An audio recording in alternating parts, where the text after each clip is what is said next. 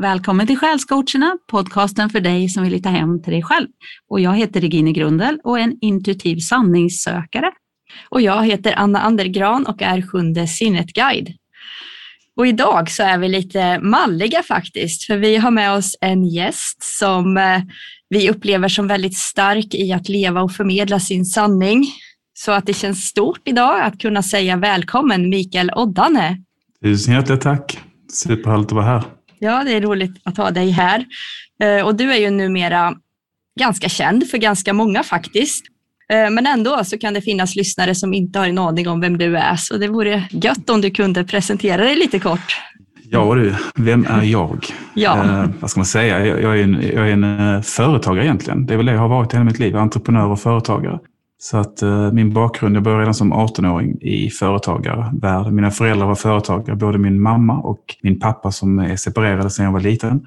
Så att jag har haft två företagarfamiljer runt omkring mig egentligen. Så det var naturligt för mig att också bli företagare. Så att, eh, det blev jag ganska tidigt och jag har varit på den banan då med en hel del olika projekt egentligen. Och vad ska man säga, sista företaget jag startade var 2005. Då startade jag en produktion av kosmetiska produkter inom kärleksområdet. Så det var för samlivet då. Så vi tillverkade massageoljor och ljus och eteriska oljor hade vi så här. Massa olika produkter som vi exporterade då runt om i världen, främst till Europa. Vi skickade 95 procent utomlands. Så det startade jag 2005. Men sen så hände det ju saker i mitt liv samtidigt där 2005. Så att jag eh, började och nysta lite grann på, på eh, världen. Jag har alltid varit intresserad av världen och hur den fungerar och sådär. Sen ganska ung så tittade jag på nyheter och debattprogram och sådär. Så att, eh, men 2005 så började jag nysta på lite alternativa saker kring världen då. Och det var 9-11 framförallt då som jag dök in i och tittade på. Och såg ganska fort att det var, stämde inte riktigt den historien. Och det ledde sen till en mängd saker. För om den historien som var så, så, stor i historien egentligen och så viktig för oss utifrån vad som sen hände efteråt. Världen förändrades väldigt mycket där med kriget mot terrorn och väldigt mycket nya lagar och som följde en mängd andra terrorattacker därefter också. Så världen förändras väldigt mycket i spåren av 11 september. Så att när den inte var sann som man förmedlade i media så var det väldigt mycket jag inte förstod i den här världen. Så där började mitt sökande. Mm. Och eh, man kan säga att jag har alltid varit sökare innan också och jag har en mamma och föräldrar som är vad ska man säga, öppna för att tänka eh, annorlunda kring världen. Så att eh, det fanns lite grann med mig sen, sen barns, barndomen också. Men eh, mitt personliga stora sökande kom där, 2005 och framåt. Hur påverkar det ditt inre sökande efter att hitta hem till dig själv? Just att världen blev förändrad på utsidan, eller din syn på världen på Precis. utsidan? Det var inte som sagt, det var inte det jag var på jakt efter. Mitt liv var ganska, det var ju spännande och kul, men samtidigt lite turbulent också. Det var mycket jag inte förstod. Och jag levde också på ett sätt som kanske inte var det mest eh, bästa för en person. Jag, jag festade mycket och mina familjer var väldigt festglada också. Så det var mycket fest med vänner och sådär. Och jag levde inte speciellt sunt med maten. Jag rökte och jag jobbade väldigt hårt. Eh, jag reste väldigt mycket runt om i Europa framförallt, men även runt om i världen. Eh, jag bodde i Kina från och till under tioårsperiod, så det var väldigt mycket flaxande och hårt liv egentligen utifrån att både klämma in upplevelserna och företaget och allt det jag ville göra med det och festbiten och allt det andra. Så att livet var turbulent. Men jag sökte inte för att lösa mitt eget liv, utan jag ville veta hur världen fungerade. Men det jag såg ganska fort när jag började söka kring världen var ju att där fanns ju eh, då hemliga organisationer, hemliga sällskap och så vidare som jag blev nyfiken på. För de dök ofta upp när man undersökte de här sakerna. Och där började jag se saker kring eh, andligheten då och personlig utveckling på det planet. Så jag kikade in i en mängd saker. Där är också hela new age-biten och där är vad ska man säga, många nu som är i den här uppvaknande processen så att säga och skapar videos kring det på nätet. Så att jag har ju tittat på hur många som helst egentligen för att förstå mig själv. Så att på något sätt var det inte menat att bli en personlig utveckling, men det blev verkligen en personlig utveckling i slutändan. Eh, när jag själv också gav mig in i leken och började och, eh, rätt sagt innan jag egentligen gav mig in i leken, så började jag få motstånd i den externa världen. För att jag var så himla, jag spenderade så otroligt mycket tid med informationssökandet. Och jag vet inte exakt hur sånt här fungerar, men jag kan tänka mig någonstans att i något system i det systemet vi lever i så har det flaggat till att den här mannen tittar. Jag, jag vet inte alltså. Men jag började uppleva motstånd och förföljelse och hot och sådana saker innan jag ens började min kanal. Ehm, då blev det ytterligare personlig utveckling, för då måste du komma över rädslor och sådär. Så att det var en, en enorm expansion som skedde över eh, kanske framförallt de sista tio åren, alltså 2012 och fram, vilket är ganska intressant utifrån det, det året då, 2012. Mm. Så det blev ja. personlig utveckling, men det var inte det som var målet eller tanken från början. Nej. Nej. Din kanal, vi kan ju nämna att den heter Wake Up Globe. Ja. Och den finns Precis. på Youtube. Ja, det gör den. den. Och vi har även grupper på Facebook och sådär kring detsamma. Wake Up Globe. Mm. Och det är wakeupfriends.net.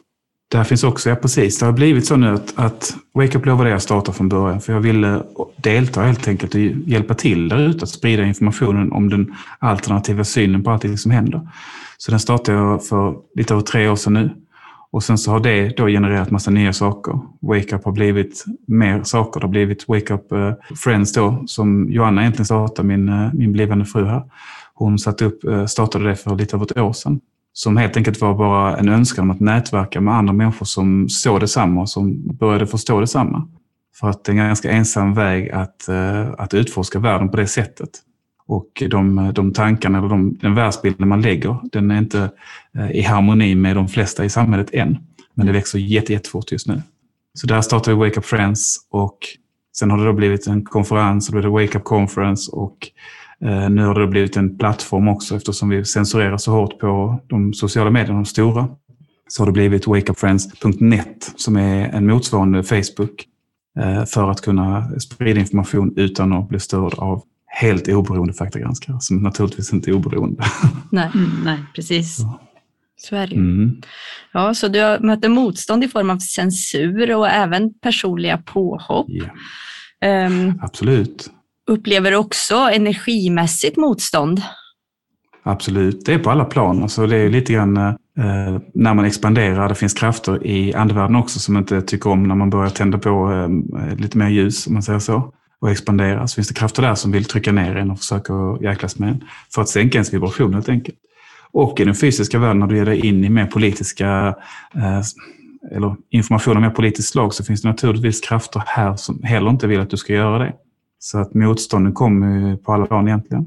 Eh, både då mer synliga saker och mer tydliga saker som kanske media och sådana saker. Men det kommer också i form av väldigt mer, mer mörka eh, vad man säga, agendor eller krafter eller förföljelser, inbrott, inte inbrott i ens hem, men de tar sig in i ens hem kanske eller in, i ens bil och sådana saker. Mm. Eh, vi har haft väldigt mycket helikopterbesök och det hade jag också innan jag började kanalen, så det, det är svårt att greppa det där. Mm. Men när man lever i det så blir det väldigt tydligt att det är en slags förföljelse. Och jag har också eh, många vänner som började väldigt tidigt med den här typen, långt innan jag började, som också har fått väldigt mycket motstånd på den, av den typen då. Mm. Helikoptrar och hot och man går in i hemmet och flyttar på en pryl och sådär för att skrämma. Men eh, det, jag är ju jättetacksam för alla de här motstånd som har kommit. För det har gjort att man måste komma till en punkt av mindre rädsla och, och då mer kärlek helt enkelt till livet och acceptans. Om man vill fortsätta på den vägen och inte vika av så måste du, du måste komma förbi rädslan. Och det, det blir mer harmoni i slutändan. Och du blir kraftfullare av det. Jag är tacksam men det har varit eh, slitsamt också. Mm.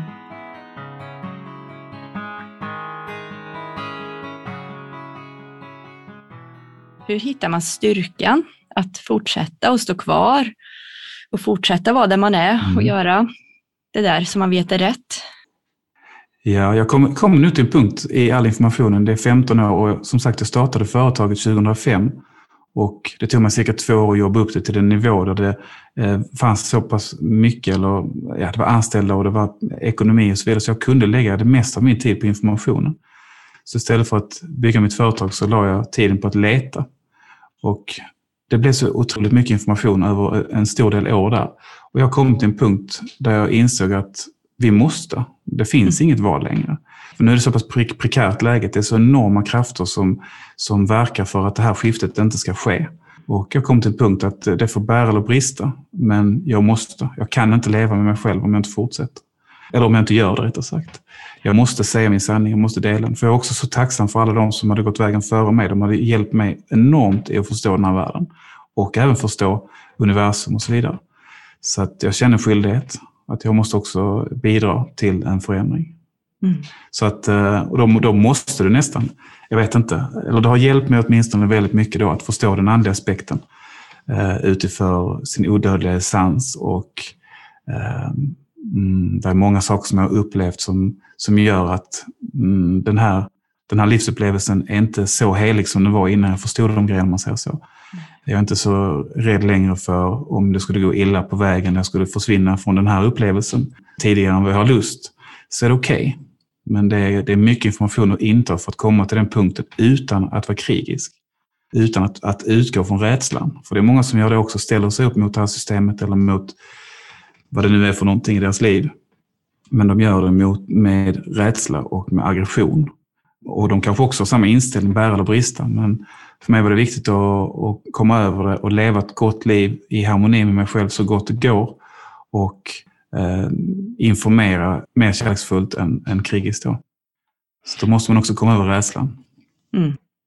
Och passa på att säga tack så mycket för att du gör det du gör, för det har varit väldigt väldigt viktigt för mig och för många är jag säker på. För mm. Just att du har den här kombinationen också av det andliga och själsliga och det världsliga som kanske inte så många har, utan många har varit antingen på det andliga spåret eller sett världen och blivit ganska krigisk i det. Och det var så skönt att upptäcka ja. dig och höra att du förmedlar ändå om världen men utifrån ett själsligt och kärleksfullt och respektfullt perspektiv. Det är väldigt, väldigt viktigt och det är säkert också därför som du är mm. väldigt farlig för vissa. För att det, mm. det är just det som behövs. Absolut. Tveklöst är det så att de krafterna som vi så att säga, försöker exponera eller den, de som håller kvar oss i det gamla, man säger så, de, de är mest rädda för kärleken. Och det är ja. ganska intressant att komma fram till det på vägen. Mm. Ett kärleksfullt budskap, men ändå kraftfullt och sanningsbaserat, eller man ska säga, mm. är det svåraste. De vill gärna att vi ska ha eh, fighter, att vi ska bli aggressiva, att vi ska gå ut och bete oss dåligt på gatan och så vidare. Mm. Men när vi står i vår kärlek så blir de väldigt, väldigt... Eh, det är nästan det värsta, värsta för dem, det värsta vapnet är.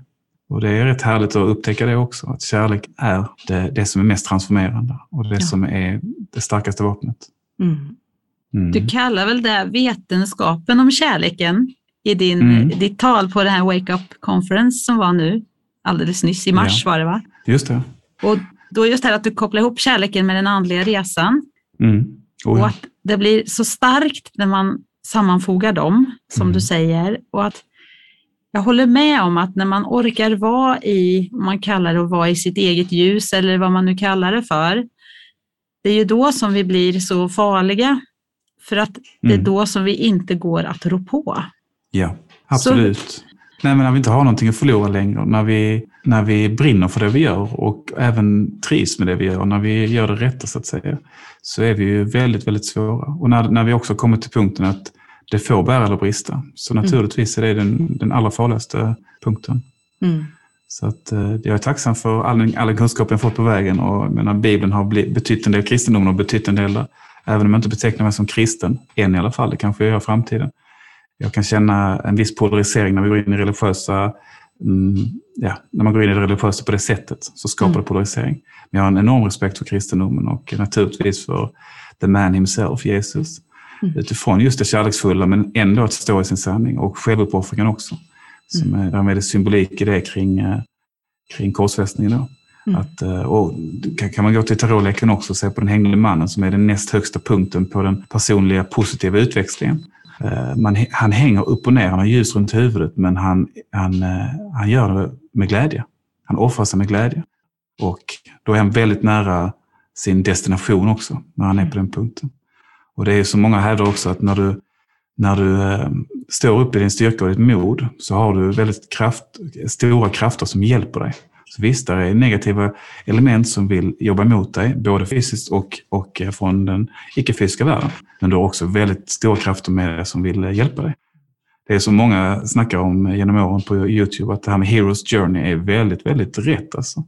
Det är, det, du möter monster på vägen, du måste expandera, ta dig förbi, våga pusha vidare framåt. Men uh, efterhand som du gör det så får du mer och mer belöningar också i form av större upplevelser i livet, bättre expansion och dessutom funktioner i, inom dig själv som jag inte visste fanns tidigare. Så att, eh, det är en fantastisk resa.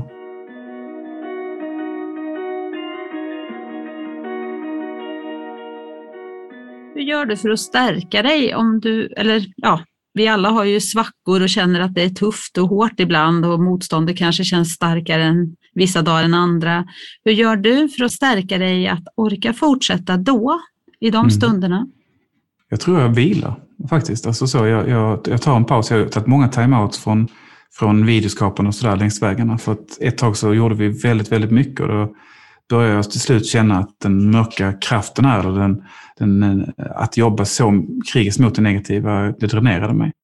Så att då, då tog jag några månader av och gjorde andra saker. Men jag tror, jag har gjort en del fel på min väg naturligtvis, och, eller många fel på min väg, men eh, Eh, ett av de största felen är att jag la för mycket kraft under väldigt lång tid på att bara jobba mot de här negativa agendorna. För min egen hälsas skull så skulle jag jobbat lika mycket med det andliga och fått ut information kring det. Det är ju lite grann som man säger att när man är precis där man ska vara och gör precis det man har lust att göra i livet så får man rysningar inom kroppen, man känner energiflödet är väldigt bra. Eh, och det känner jag aldrig när jag gör det här eh, motståndsarbetet. Men däremot när jag snackar om det andliga så, så känner jag hur energin strömmar och jag får rysningar på ryggen och sådär. Så att det är det som tankar upp och sen så tömmer man ut lite grann när man jobbar mot. Så det, för mig så handlar det mycket framöver om att balansera de två. Visst, vi måste exponera sanningen, men vi måste också bygga styrka, bygga kraft. Så vi inte känner oss helt eh, nedtyngda av det som, som vi möter ute. Så att det är ett sätt, att balansera de två i ens arbete. Men naturligtvis vila och meditation och gå in i det andliga mer och inte vara så himla fysisk hela tiden. Eh, det är lätt att glömma bort i den här tiden. Så att eh, meditation, hitta lugnet, motion. Jag älskar motionsbiten då. Det är också meditativt för mig. Eh, och det är också då, när man är lugn, som man tar emot. Och det är då man får informationen som är spännande utifrån. Och inspirationen och intuitionen funkar bättre. Alla de här grejerna funkar mycket bättre när du lugnar dig. Det är en kombination av mycket. Men jag får lägga till det också då. Jag blev förbannad. Och jag blev ja. ledsen. Jag blev arg på vägen. Eh, det mm. syns inte framför kameran för jag försöker att hålla den så vad man säga, balanserad jag kan. Det, det man ger ut, så man inte ger ut en frustrerad energi. Om det är rätt eller fel vet jag inte heller. Det kan vara bra ibland kanske att vara frustrerad framför kameran. Men uh, jag blev förbannad, jag blev arg. Och det, jag skriker och gapar lite grann ibland när jag ser saker på tv som gör mig arg. Mm. Ja, men mm. det är ju viktigt att, att vara en hel människa med allt vad det innebär förstås. Ja, verkligen. Precis. Annars blir det lite skenheligt mm. om man ska låtsas vara någonting. Det, mm. Men, eh, men ja, det är väl sunt att bli arg och reagera. Ja, men det är alltså, det. Vi måste ju få vara människor också. Mm. Men sen att yeah. kanske hitta tillbaka så fort som möjligt innan det blir för mycket så att det tar ja. över. Det är väl det det handlar om egentligen. Precis. Precis. Absolut. Och man kan vara mer sann. Det tar ju livsenergin. Ja, man kan vara mer sann och lugn och förmedla på ett bra sätt tror jag, om man tillåter sig de där känslorna också. För annars finns de liksom kvar uppdämt bakom eh, och så känner man det. Så att det känns ju ändå skillnad tycker jag. Att man känner att man har någon sann människa framför sig. Det är liksom, du är en sån där som man får omedelbart förtroende för. Tack. Ja. Jo, men jag håller med. Och just, just den här energin som du har av det här lugna, kärleksfulla som man känner hela tiden i det du gör. Det gör ju också att man, det blir liksom ingen egogrej av det, utan det blir en äkta omtanke om att vi tillsammans ska hitta sanningen där ute, men också hitta varandra i det så att vi kan hjälpas åt framåt. Mm.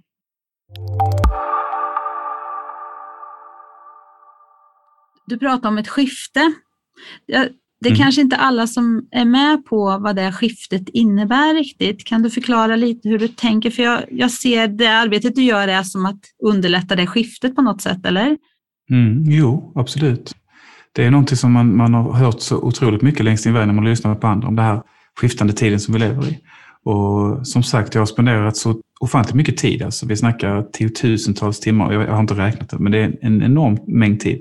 Därför jag är så skeptisk. Jag, jag, jag, vill, jag vill inte ta andra sanningar som min. Oh, det hörde jag igår, nu är det min sanning också. Utan jag måste verkligen begrunda, jag måste få det från flera håll, jag måste se det i världen, jag måste lägga pusslet på det sättet. Och längs vägen så är det ju helt superklart och tydligt just nu att vi går igenom ett skifte. Mm. Så det som står i Bibeln, det som maya-indianerna pratade om, det som en mängd andra kulturer har förutspått, händer just nu. Och det mm. är stort. Det är det mm. största som har hänt på 26 000 år, som många också då astrologer har, har eh, eller vet om. Då. Indierna har samma sak med sin ljuga. Vi går från Kali-ljuga in till, vad det nu heter, den andra, men eh, guldtid istället. Eh, det var svårt för mig att ta in ett så stort koncept från början. Men efterhand som resan har gått, efterhand som jag har sett vad som har hänt med mig själv och dessutom nu ser det hända i större skala runt omkring. Jag var ju helt ensam längs min väg i 13 år då. Jag kände ingen som tänkte som jag. Jag kunde få kontakt någon gång ute på ställen där det var någon som visste lite grann av det jag pratade om. Men de flesta runt omkring mig visste ingenting. Så att jag kände, okej, okay, händer det verkligen? Och så är det ingen som vet att det händer. Men naturligtvis var det ju jättemånga människor i Sverige och i Norden och överallt som visste detsamma. Jag såg ju rörelsen utomlands. Men vi hade inte kontakt med varandra. Så när jag startade Wake Up Globe så var det någon som sa till mig att starta en grupp på Facebook, för det blev ganska många tittare ganska snabbt då i förhållandevis. Så sa de starta en grupp och så startade jag gruppen och, och vi var ganska snabbt 1000 eller 1500 människor där bara på ett par veckor. tänkte jag, wow, här är många människor som förstår och som mm. ser. Uh, och det blev också vidare inspirationen sen till då, Wake Up Friends, att göra det i fysisk form, att vi inte bara sitter och chattar med varandra och delar information, utan vi måste träffas också. På tal om det du sa tidigare, hur hämtar man kraft igen. Och det, det glömde jag säga, men det är en stor källa till kraften och hitta kraften. Det är ju den gemenskapen som finns där i. Att träffa de här människorna som vi, vi har runt omkring oss nu. Jag tror Malmögruppen är uppe i 500-600 personer. Vi har en grupp här i Trelleborg där vi bor nu och det sprider sig jättemycket. Så det är många, många tusen människor i hela landet mm. som träffas. Det är styrka. Det är kärlek naturligtvis, att få känna att det, det, här man kämpar för, det vi alla kämpar för, resonerar med andra och man respekterar varandra för det, det vi gör och det vi står för och så vidare. Så det är en stor källa till, eh, till kraft också. Mm. Ja. Ja, det finns en stor grupp här i Örebro som vi var och hälsade på en bit ifrån där vi bor och sen mm. har vi startat en grupp i, i Kristinehamn också nu. Ja, ja nystartad faktiskt. Ja, Underbart. Den är fortfarande under utveckling. Fantastiskt. Och så. Ja. Mm. Underbart, underbart. Ja. Vi, vi, är väldigt glada att ni har inspirerat till de här sakerna, för det ja. behövs verkligen. Mm. Ja, bra du säger det också, för det är precis inspiration i så fall. För att det är inte, vi har inte startat det. Alla startar sina grejer. Vi, vi, vi satte upp vår grupp och så sa vi vi gör det. Är det någon som har lust så är det jätteroligt. Men vi satsade på att vi vill ha fler vänner i vårt lokalområde. Och vi satte namnet på det. Wake Up Blue fanns redan. Och eh, att alla har, eller så många nu har startat i samma namn, det gör att vi, vi har en viss connection med varandra och en gemensam punkt, om man ska säga.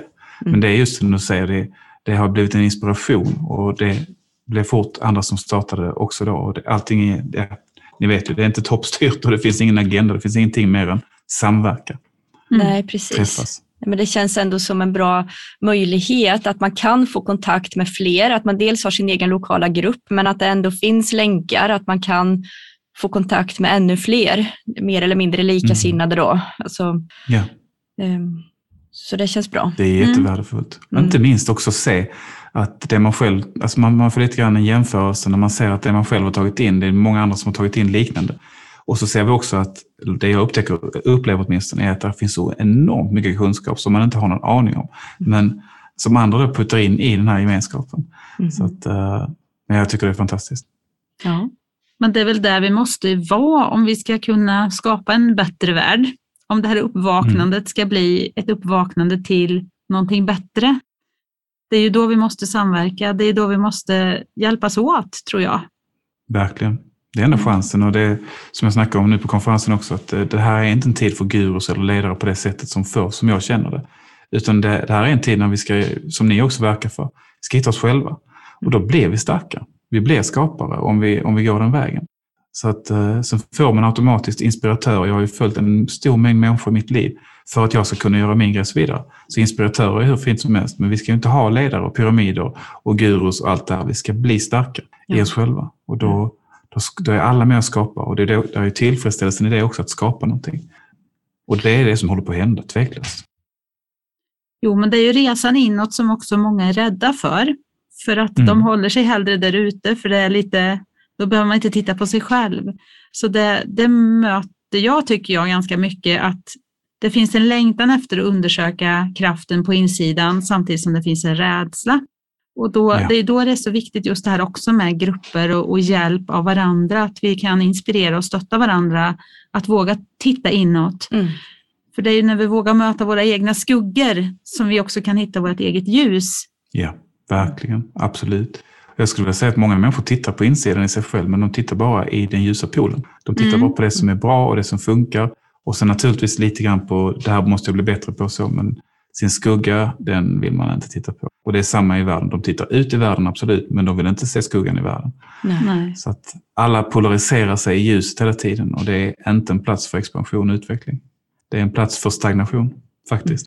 Men det är skönt att vara där. Det är jätteskönt. Det är skönt att blunda. Det är skönt att inte se och bara sätta på underhållningen på tv och åka till jobbet och låtsas att ingenting är fel. Men det tar oss ingenstans. Man blir långsamt Apati. kokt som en groda. Den där Ja. berömda Ja. liknelsen. Visst, Ja. absolut. Men det känns ju bekvämt ett tag, så länge det är ljummet. Ja, precis. Absolut. Ja, så var det absolut i mitt liv också. Alltså, jag, menar, jag levde mitt liv rakt fram och det skulle vara, eh, jag ville uppleva mycket och sådär. Jag tänkte jag har bara den här livstiden så nu ska det minsann bli, bli kul här. Men till slut så hamnade jag på en punkt där ingenting funkade längre. Jag brände ut mig, jag var inte hälsosam. Eh, Jag investerade för stort och för fort i företaget och my God, alltså det byggde upp sig så mycket motstånd så att till slut var jag bara helt tvungen. Det fanns ingen utväg längre. Jag var, jag var utbränd. Jag vaknade en morgon och reste mig upp ur sängen och så fick jag lite grann som ett slag i huvudet. Då hade jag sovit i 12 timmar tror jag. Jag fick lite grann som ett slag i huvudet och så bara backade jag tillbaka till sängen och föll ner i sängen, sov i 6-7 timmar till. Och sen var jag, var jag utbränd i ett års tid där. Så det fanns ingen utväg för mig. Allt var, företaget var skakigt och relationer var skakiga. Jag var skakig. Det var, inte någon, eh, det var inget val längre. Jag var tvungen. Det var ett wake-up call. Det var wake up call, ja verkligen. Absolut. Jag tycker just ditt möte med dig själv där i den här brytpunkten som du har beskrivit nu. Det är så intressant för det måste ju ha krockat väldigt mycket med din omgivning när du vände, när du började undersöka saker och när du började rikta dig helt och hållet mot, mot sanningen i världen och sanningen på insidan och andligheten och allt det här. Det, det, Mm. det måste ha kostat på och det måste ha blivit väldigt mycket svallvågor kring dig när du gjorde den här vändningen. Ja, absolut. Jag vet inte. Ja, absolut. Men familjen hängde inte med i någon större utsträckning på det jag sa. För det var för kontroversiellt och det var också skrämmande. Så att, och jag hade heller inga vänner som köpte. De, de kunde köpa vissa bitar och sådär. Men de flesta ville inte höra. Så under många år så tror jag att jag höll väl igen ganska mycket med, med det jag upplevde och kände och sådär. Och eh, sen det kom till en punkt där man då ville, som alla hamnar i den punkten, man vill väcka alla och man vill verkligen ruska om Ja. dem. Kom igen, ser ni inte? Mm. Men, eh, och då blev det motstånd också utifrån att vänner de eh, ville inte riktigt att man skulle hänga med på saker och man blev inte uppringd längre. Och det var även någon gång i familj, jag, kunde känna att familjen också började komma till den punkten att vi ska kanske, kan vi låta bli att ringa Micke den här gången för att, eh, ja, så vi Mm. slipper det där. Ja. Jag kände verkligen det. Så det kom där. Men sen, ungefär samtidigt som all den här det, det, separationen från vänner och familj så började komma, så kom andligheten in. Och då behöver man vara lite själv också i den resan, kände jag åtminstone. Mm. Lite grann som The Hermit i tarotleken. Man behöver gå själv. Upptäcka världen, upptäcka den andliga aspekten. Och sen i den processen så började jag prata om helt andra saker. Då brann jag mycket för det. Och när jag delade det med, med vänner och med familj framför allt, eh, kanske inte så mycket vänner, men mest familj, då var det fler som ville lyssna. För det var ju något positivt och någonting stärkande. Mm. Och de blev lite fascinerade av det jag berättade också. Så att eh, då vände det. Men, men visst, det är superensamt eh, längs vägen för de flesta. Så jag är tacksam för att vi nu, eh, många som kanske börjar vakna upp till de här sakerna nu, de kan snabbt hitta likasinnade och kanske grupperingar och sådär av olika slag. Mm. Och få en gemenskap kring det. Ja. Det är härligt. Ja, Ja, det är mycket in- igenkänning på mycket där du beskriver i mitt liv med, även om saker har kanske gått i en annan ordning ibland. Jag, tycker det här är intressant att för mig var det ju så viktigt att hitta mitt sjunde sinne och mitt sanningscentrum för att kunna acceptera de här tuffa sanningarna om världen. Så jag fick liksom gå den vägen från det själsliga vaknandet till det världsliga vaknandet så att säga. Och, men du gör tvärtom, låter det Mm. som. Mm, Ja, så det är intressant Jo, hur man kommer på så olika vägar. Precis. Men jag, jag upplever ju också att många känner en stark frustration, just som du beskrev så bra, när man kommer till ett läge när man vill frälsa alla andra. Ja. Man har sett sanningen, man förstår. Ja, men, förstår ni inte? Så här är det där ute. Hallå? Mm. Och så är det folk bara, ja men du, tjata inte om det där nu igen, säger folk. Och man blir så här en jobbig person bara. Men jag tror det är viktigt Mm. att gå igenom den fasen. Men det är just att komma till nästa fas där, att man inser det här att okej, det här är min sanning.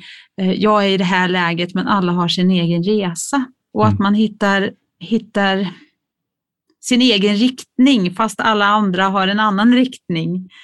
Men det Mm. kräver ju en del mod. Man måste ju verkligen ha en stark drivkraft i det där för att våga gå den vägen. Mm. Jag tror en stor del av min drivkraft har varit nyfikenheten. Alltså jag, jag har alltid varit nyfiken och på något sätt så vill jag inte stoppa mitt, min, mitt utforskande oavsett om det skapar mycket, jag har skapat en del smärta på vägen då och separation och så, så har det ändå varit att nej men jag, jag vill veta och jag vill förstå. Mm. Så att hela tiden fortsätta söka och det gör jag fortfarande. Jag söker precis lika mycket som längs vägen här. Fortfarande. Jag har massor att lära, det tar aldrig slut liksom. Nej. Men eh, jag vet inte, andra människors värderingar på det jag är eller det jag uttrycker kan inte stoppa mig från att göra det jag känner jag måste göra. Att, och dessutom det, det, det allra mest fantastiska till slut då, efter 13 år var ju att det fanns ju så många. Så det, jag, menar, vi, jag har aldrig haft så mycket vänskap på, i mitt liv som nu. Så att visst, jag förlorade några på vägen. Men jag tror på den resan vi är nu så är det, är det värt faktiskt att vi får tänka att ja, vissa kommer jag förlora. Men där finns nya vänner som förstår det jag förstår. Så bygger vi nya vänskapsband. Och sen kanske om x antal år så kan vi hitta tillbaka till våra gamla vänner igen och säga okej, nu förstår vi ungefär detsamma.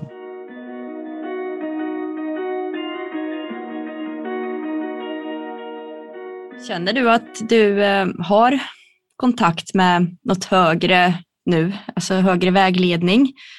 Ehm, Eller är det din, dig själv, din egen, alltså hur, hur upplever du din kontakt med det som man kan kalla Gud? Mm. Precis, och vad är Gud för någonting? Ja, precis. Det, det är den eviga spekulationen. Eh, vad är Gud för någonting? Ja. Menar, Min, min nuvarande förståelse eller min nuvarande, mitt nuvarande medvetande som jag förstår och kan berätta nu så ser jag på Gud som en mental process. Och eh, sen är det naturligtvis någonting större, någonting mer som inte går att ta på riktigt. Men det är det bästa sättet jag kan förstå det utifrån mig själv, den upplevelsen jag har fått, kvantfysiken och de, de bitarna egentligen, att allting på något sätt har, har ett medvetande. Så för mig blir det väldigt mycket mental process alltihopa. Och jag gillar de hermetiska principerna. Den första principen är eh, the all is mind, allt är sinne. Universum är mentalt. Och då, när jag börjar förstå den principen, så börjar jag förstå Gud. Men absolut, eh, längs vägen i det här enorma mörkret och det motstånd som jag fick, eh, men samtidigt inte böjde mig för det, utan jag fortsatte att söka. Så i den expansionen som sker när man fortsätter att försöka söka, så eh, fick jag de här, som jag i efterhand kallar för frekvensskiften, som aktiverade nya delar i mig. Så att jag kunde, jag kunde börja se energier på ett nytt sätt. Eh, jag kunde se saker i, i världen som jag inte såg innan. Och jag kunde se eh, ja, aurafält och sådana saker också. Så det, bara kom i expansionen. Så att vad jag ser med ögonen idag, inte kanske en vanlig dag, men på kvällen framför allt, är ju annorlunda. Jag ser energi istället för att se bara eh, upplysta saker, som en lampa som lyser på något. Jag ser energin också. Så det är bara en, en frekvenshöjning i sig själv. Eh, men sen så kommer den mest magiska aspekten är naturligtvis den inre, det inre seendet. Att faktiskt se någonting inne i eh, det som kallas för tredje ögat. Då, det inre seendet. Det var helt magiskt när det började hända och man börjar naturligtvis undra vad är det som händer egentligen och varför får jag en bild av det här slaget. Så jag började få in bilder mitt i mitt värsta trauma, egentligen i mitt största mörker. Så eh, började det komma in bilder i tredje ögat då.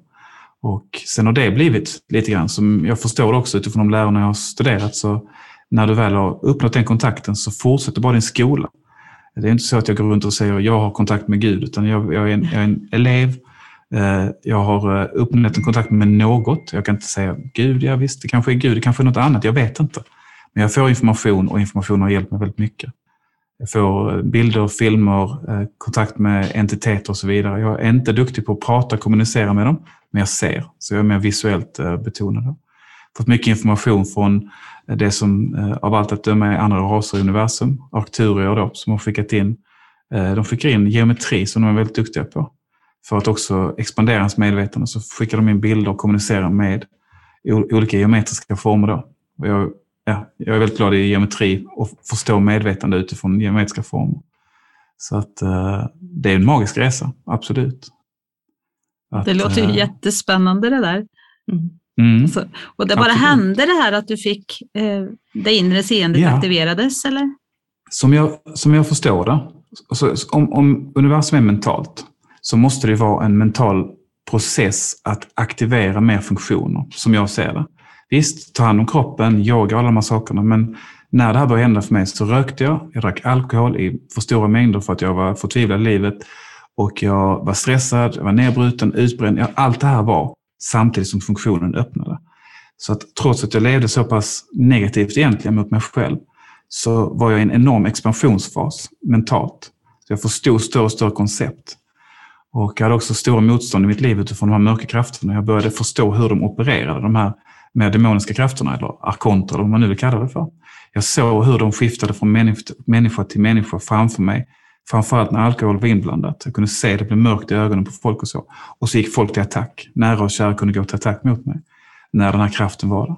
Så jag la ett stort pussel och det var mörkt och spännande och naturligtvis intressant samtidigt. Jag var inte, jag var inte i någon sån här eh, depression på det sättet. Jag var bara supertrött, men oj vad jag tyckte det var spännande också. Så mitt i den frustrationen så började jag se suddiga saker i tredje ögat till att börja med. Och sen efterhand så blev det tydligare och tydligare bilder. Då. Och sen började jag naturligtvis träna på det när jag började förstå vad det var som hände. Då började jag gå mer in i andligheten på det, det sättet att försöka se mer mm. och mm. utveckla det vidare.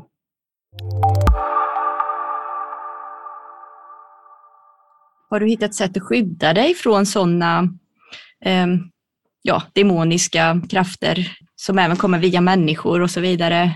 Ja, ja absolut. Alltså, men det är ju när du vet och du förstår hur det fungerar så vet du också att när din nära och kära till exempel beter sig på det sättet så kommer det inte från den människan. Vilket gör att det kanske inte blir lika sårande. Även om det kanske finns en, en match i mörker eller vibration som gör att den här demonen kan operera därifrån. Men skyddet är ju att inte vara rädd. Mm. Jag vaknade när jag startade Wake Up då faktiskt, jag gjorde de första avsnitten. Så vaknade jag på natten och då hade jag ju utvecklats för att kunna se även lite in i den här eh, mer eh, icke-fysiska världen. Då vaknade jag på natten och hade demoner bredvid sängen, Det var en stor demon som stod där och som höll mig fast i, i det som kallas för sleep paralysis. Då. Så jag kunde inte röra en fena. Men då hade jag upplevt de här krafterna så länge och jag var inte rädd för dem längre. För jag var i den här situationen att jag brydde mig inte vad som skulle hända. Jag skulle bara framåt. Och då, då eh, visade jag väldigt tydligt för den här kraften att jag är inte rädd ett smack för det. Bara stick härifrån. Och det gjorde den också. Och dagen efter kom den tillbaka igen. Då stod den vid fotänden på sängen. Eh, och väckte, jag vaknade av det då, att jag var låst igen och samma sak igen. Jag sa nog dra åt helvete, det ska man inte säga kanske, men det gjorde jag. jag kanske var, var precis rätt. Ja. ja. kanske det. Så att eh, då försvann den och, och sen var jag inte rädd. Så jag var på något sätt jag var fri från rädslan kring de här krafterna. Och de, de krafterna kan ju inte operera eh, gentemot dig om du inte är rädd. Då har de ingenting att hämta. De är totalt, alltså de, återigen det är kärleken som är det ultimata vapnet. Mm. Så att, eh, sen dess har de kommit tillbaka några gånger då och då, väldigt sällan. Ibland när, man, när jag står och föreläser ute om andliga saker så blir jag attackerad. Halschakrat kan få en attack så man känner att man måste hosta kraftigt och sådär. Eh, ibland när vi gör videos, om vi ska avslöja någonting genom den här tiden då, så får vi också attacker på ett energimässigt plan. Så att, eh, men nu har jag lärt mig av eh, vänner och andliga folk att jag ska kalla, be om hjälp och det mm. funkar. Varje gång jag gör det så funkar det. När jag glömmer bort det så, så kan jag bli attackerad. Ja. Mm. Så att, kalla in hjälpen där ute, de finns där och de vill hjälpa till. Livet har blivit som en science fiction-film nästan. ja, verkligen. Ja. Det är så sjukt alltihop. Alltså ja. det, också det här med kontakt med utomjordingar. Alltså, men herregud, det låter ju för dumt för att vara sant naturligtvis. Och jag, menar, jag har alltid tittat upp mot himlen sedan jag var liten på stjärnorna och sådär. Jag älskade E.T. när den filmen kom. Liksom. Ja. Men att jag i mitt liv skulle få uppleva någonting som hade med, det, med de raserna där ute att göra och börja förstå dem och börja kommunicera med dem. Jag hade aldrig trott det. Naturligtvis hade man inte trott det. Så ja, Nej. det är science fiction. Är man, man, kan ju förstå dem som inte alls har varit i de tankarna eller i den riktningen. Mm. Att när man börjar prata om det, det blir stort för en del för de tänker att nu, ja. nu har hon tappat det. Liksom. Ja. Men det är ju yes. det att man har ju själv gjort en lång resa innan man har ju blivit liksom successivt in, inslussade i det man tänker och känner och tror är sant. Ja. Men från början har vi Precis. nog aldrig gjort motstånd mot sanningen för att den är så, så stor och så, som du oh. sa, science fiction-aktig. Så det är svårt att greppa den i början. Och, och där får man ju acceptera att andra inte kan göra det alltid. Då. Men mm. Det där du sa mm. med rädsla, det känns också mm. så himla viktigt. Ja att man fortsätter prata om det. Att, att, för det är ju lätt att rädslan blir det förhärskande i vår värld idag, kan jag känna. Det är så mycket saker som vi ska vara rädda för. Och, och det är som att de här mörka krafterna, om vi kallar dem för det, vill ju att vi ska vara i den energin. Mm. För då går vi ju och styra och kontrollera på ett sätt. Mm. Oh ja. Så att alltså, botemedlet mot allt är ju just det som du säger, att försöka hitta kärleken, för då suddar den liksom ut rädslan och det är lättare att, mm. att komma förbi rädslan helt enkelt. Absolut, och förstå mörkret. Jag pratar mycket om det, att visst vi kan sträcka oss mot de, de ljusa krafterna, änglar, Jesus, eh, mästarna och allt det här och bara försöka fokusera på dem och det, det är superhärligt det också. Men förstår vi inte ondskan så kommer ondskan alltid lura oss, eller det som är ont inom oss själva, så kommer det alltid bedra oss. Så att den största, som ni sa tidigare också, att den största expansionen, ljuset kommer ju via mörker på många sätt. Mm. Mörker absorberar ljuset. Det är helt tydligt att det gör det både i våra liv och i världen och i den andliga aspekten. Så att ska vi, ska vi hitta tillbaka till ljuset så måste vi leta i mörkret. Det vill inte säga att vi ska, vi ska operera efter mörkret, men vi måste förstå ondskan. Mm. Förstå mörkret. Inom oss själva också, som jag sa, mitt liv var jättekaotiskt. Jag var, jag, var ju halvdöd om man nu ska vara ärlig egentligen. Alltså, när man är så nere så är man ju halvdöd. Så att jag hade förbrukat mitt ljus. Om jag fort, hade fortsatt att ignorera hur jag faktiskt mådde så kanske jag inte hade överlevt. Vi måste till slut hitta tillbaka till ljuset och det gör vi när vi löser upp mörkret. Mm. Förstå mörkret. Ja. Så. Men det, det, finns så mycket, Men... alltså du har så mycket kunskap Mikael. Mm. Man, man tänker på det när du gör dina intervjuer och, och när du själv pratar. Det finns en sån oändlig ö, källa att ösa ur med kunskap där, så vi mm. skulle ju kunna prata med dig i tre dagar eller något. Ja. Men vi kanske får eh, vara nöjda för idag, Anna, eller vad säger du? Ja, det är väl så. Det är väl om, det är, om du har någonting mer som du vill förmedla till våra lyssnare här. Eftersom vi precis har sagt att man ska leta i mörkret så måste man också förstå kärleken. Det kan vara jätteviktigt också. Jag, jag lyssnade på många andra sådana mästare och det är många som har sagt i århundraden och årtusenden att kärleken är den ultimata kraften. Jag förstod inte det. Jag hörde vad de sa, men jag förstod faktiskt inte det. Nej. Så det är också lika viktigt faktiskt att förstå vad är kärleken för någonting. Mm. Och på min resa så kom jag fram till att kärlek är livskraft. Kärlek är upplevelsen av livskraft. Och så då har vi, okej okay, vi ska leta i mörkret och förstå mörkret, för oftast är det, precis, precis det mörkret jag tar vår livskraft ifrån oss. Mm. Men hur får vi då livskraften till att strömma bättre? Så det blir lika intressant. Mm. Eh, jo, för just att det är upplevelsen av det, för så länge det bara är ord så är det bara ord.